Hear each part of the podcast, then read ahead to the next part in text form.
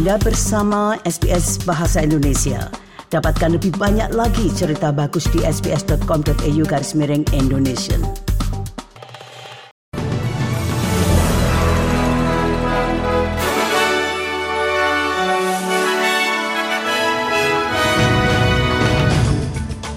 Sari berita untuk hari Jumat 9 Juni 2023. Pemimpin oposisi menuduh Menteri Keuangan telah menyesatkan parlemen dan ia memiliki beberapa pertanyaan untuk dijawab. And I think the Prime Minister and Katie Gallagher need to tell the truth here. Presiden Ukraina mengunjungi rumah sakit yang dipenuhi oleh korban banjir di Kherson. There is a shortage of doctors. Puluhan ribu orang diperkirakan akan berduyun-duyun ke Hobart untuk merayakan festival musim dingin tahunan Dak Mofo. Since ancient times, people have gathered together in the dark of winter. Baiklah pendengar, berikut ini kami sampaikan berita selengkapnya.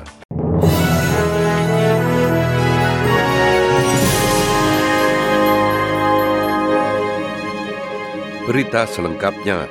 Menteri Keuangan Kathy Gallagher mendapat kecaman setelah memberitahu sidang Senat bahwa ia tidak mengetahui sebelumnya tentang dugaan pelecehan seksual terhadap Brittany Higgins. Hal itu terjadi setelah laporan media menyarankan Brittany Higgins dan rekannya David Shares mendiskusikan strategi dengan Gallagher sebelum persidangan. Namun Gallagher membantah mengetahui sebelumnya tentang dugaan pelecehan itu.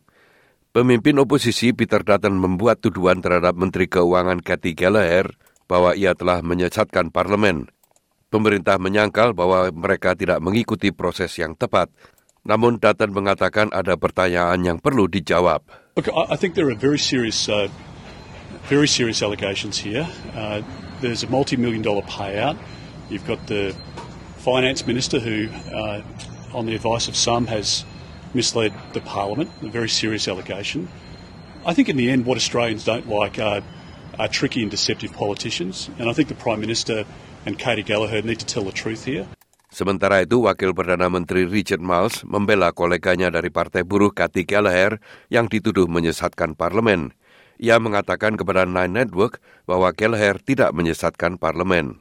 No, she didn't. And Katie has made her position very clear earlier in the week, and she's made clear that she's very comfortable with the statements that she's made. And, and that's the, the end of the matter in terms of Katie's position. I mean, Katie is a person of enormous integrity. Uh, it's one of my great honours to work alongside her in this government.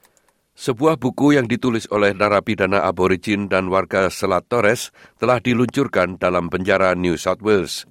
Dreaming Insight adalah karya terbaru dari program penulisan yang dipelopori dan dijalankan oleh seorang penatua berusia 87 tahun di penjara Juni di sebelah barat negara bagian ini. Para penulis dan penyair mengatakan bahwa program tersebut telah membantu meruntuhkan penghalang dan membebaskan pikiran orang-orang First Nations yang berada di balik jeruji besi. Seorang tahanan tak dikenal memberitahu NITV tentang dampak pengalaman itu terhadap penyembuhannya. helps me emotionally um, and spiritually, I suppose, but mainly emotional. Being stolen as a young child and remembering it, it's been like therapy writing about it and getting it out. Puluhan ribu orang diperkirakan akan berduyun-duyun ke Hobart dalam dua minggu ke depan untuk mengikuti festival musim dingin tahunan Dak Mofo. Kota telah berubah merah untuk festival yang dimulai malam ini menandai tahun yang ke-10. Pemerintah Tasmania mengharapkan peningkatan sebesar 24 ribu kehadiran pengunjung dari antar negara bagian dan internasional dari jumlah tahun lalu.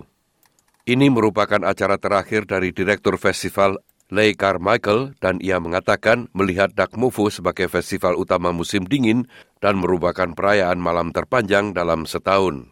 Since ancient times, people have gathered together in the dark of winter to eat, pray, dance, celebrate the return of light.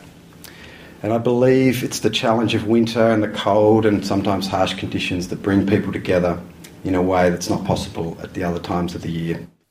Presiden Ukraina Volodymyr Zelensky telah mengunjungi wilayah selatan Kherson yang dilanda banjir akibat penghancuran bendungan besar. Sedikitnya lima orang tewas dan sekitar 600 km persegi wilayah Kherson terendam air.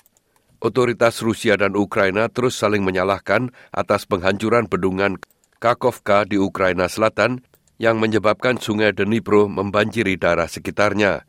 Setelah bertemu dengan pihak berwenang setempat untuk membahas operasi darurat dan evakuasi di zona banjir, Presiden Zelensky mengunjungi rumah sakit yang dipenuhi oleh korban banjir di Kherson. There is a shortage of doctors, as many of them left due to the war. I understand your needs. We will help you. We are grateful for your work. You are heroes. Asap dari kebakaran hutan di Kanada telah mempengaruhi kualitas udara di negara-negara tetangga. Asap telah menyebar ke Greenland dan Islandia sejak 1 Juni dan pengamat di Norwegia Selatan telah mencatat peningkatan konsentrasi partikel aerosol. Ilmuwan atmosfer dan iklim mengatakan asap itu diperkirakan akan menyebar ke Norwegia. Lembaga Penelitian Iklim dan Lingkungan Norwegia telah menggunakan model peramalan untuk memprediksi bagaimana asap itu akan menyebar melalui atmosfer. Peringatan tentang kualitas udara tetap berlaku untuk sebagian Atlantik Tengah. Sementara itu, pejabat di New York City memberikan masker gratis karena asap tebal dari kebakaran hutan Kanada terus menyelimuti sebagian besar kota Amerika Serikat itu. Gubernur New York, Kathy Hochul, mengatakan ini adalah pertama kalinya mereka mengalami hal itu. We saw yesterday some very disturbing numbers in New York City. Um, they're still They've come down from the 400 level, but we should never get complacent and think that the 200 air quality quotient index is uh, satisfactory. But right now we're experiencing 209 in Brooklyn, 207 in Queens, and 191 in the Bronx. And again, normal is 50. Actually, quite often in the state of New York, we have pristine air. It's normally about 35. Pejabat Vatikan mengatakan Paus Francis baik-baik saja pada malam pertamanya di rumah sakit setelah menjalani operasi perut. Pernyataan singkat mereka mengatakan malam berjalan dengan baik dan lebih banyak informasi akan dirilis dalam waktu dekat ini. Sri Paus yang berusia 86 tahun itu menjalani operasi selama tiga jam di rumah sakit Roma untuk memperbaiki hernia yang menurut dokter cukup berhasil. Kepala ahli bedah Dr. Sergio Alferri mengatakan Sri Paus bereaksi dengan baik terhadap anestesi umum dan ia memperkirakan akan berada di rumah sakit selama lebih dari 5 sampai 7 hari. Ahli bedah lainnya, Charles Maxwell Armstrong mengatakan meski ada risiko yang terlibat dalam operasi itu, namun ia yakin dengan pemulihan Sri Paus. We would anticipate him making a full recovery. Um, and uh, the the likelihood is that that is exactly what he will do. The, the risks I've talked about are are real, but they are low risk. They're small risks. They're maybe of the order of say one in ten. So, so you'd expect most patients um, to simply get over the surgery. Sukai, berbagi, komentar. Ikuti SBS program Bahasa Indonesia di Facebook.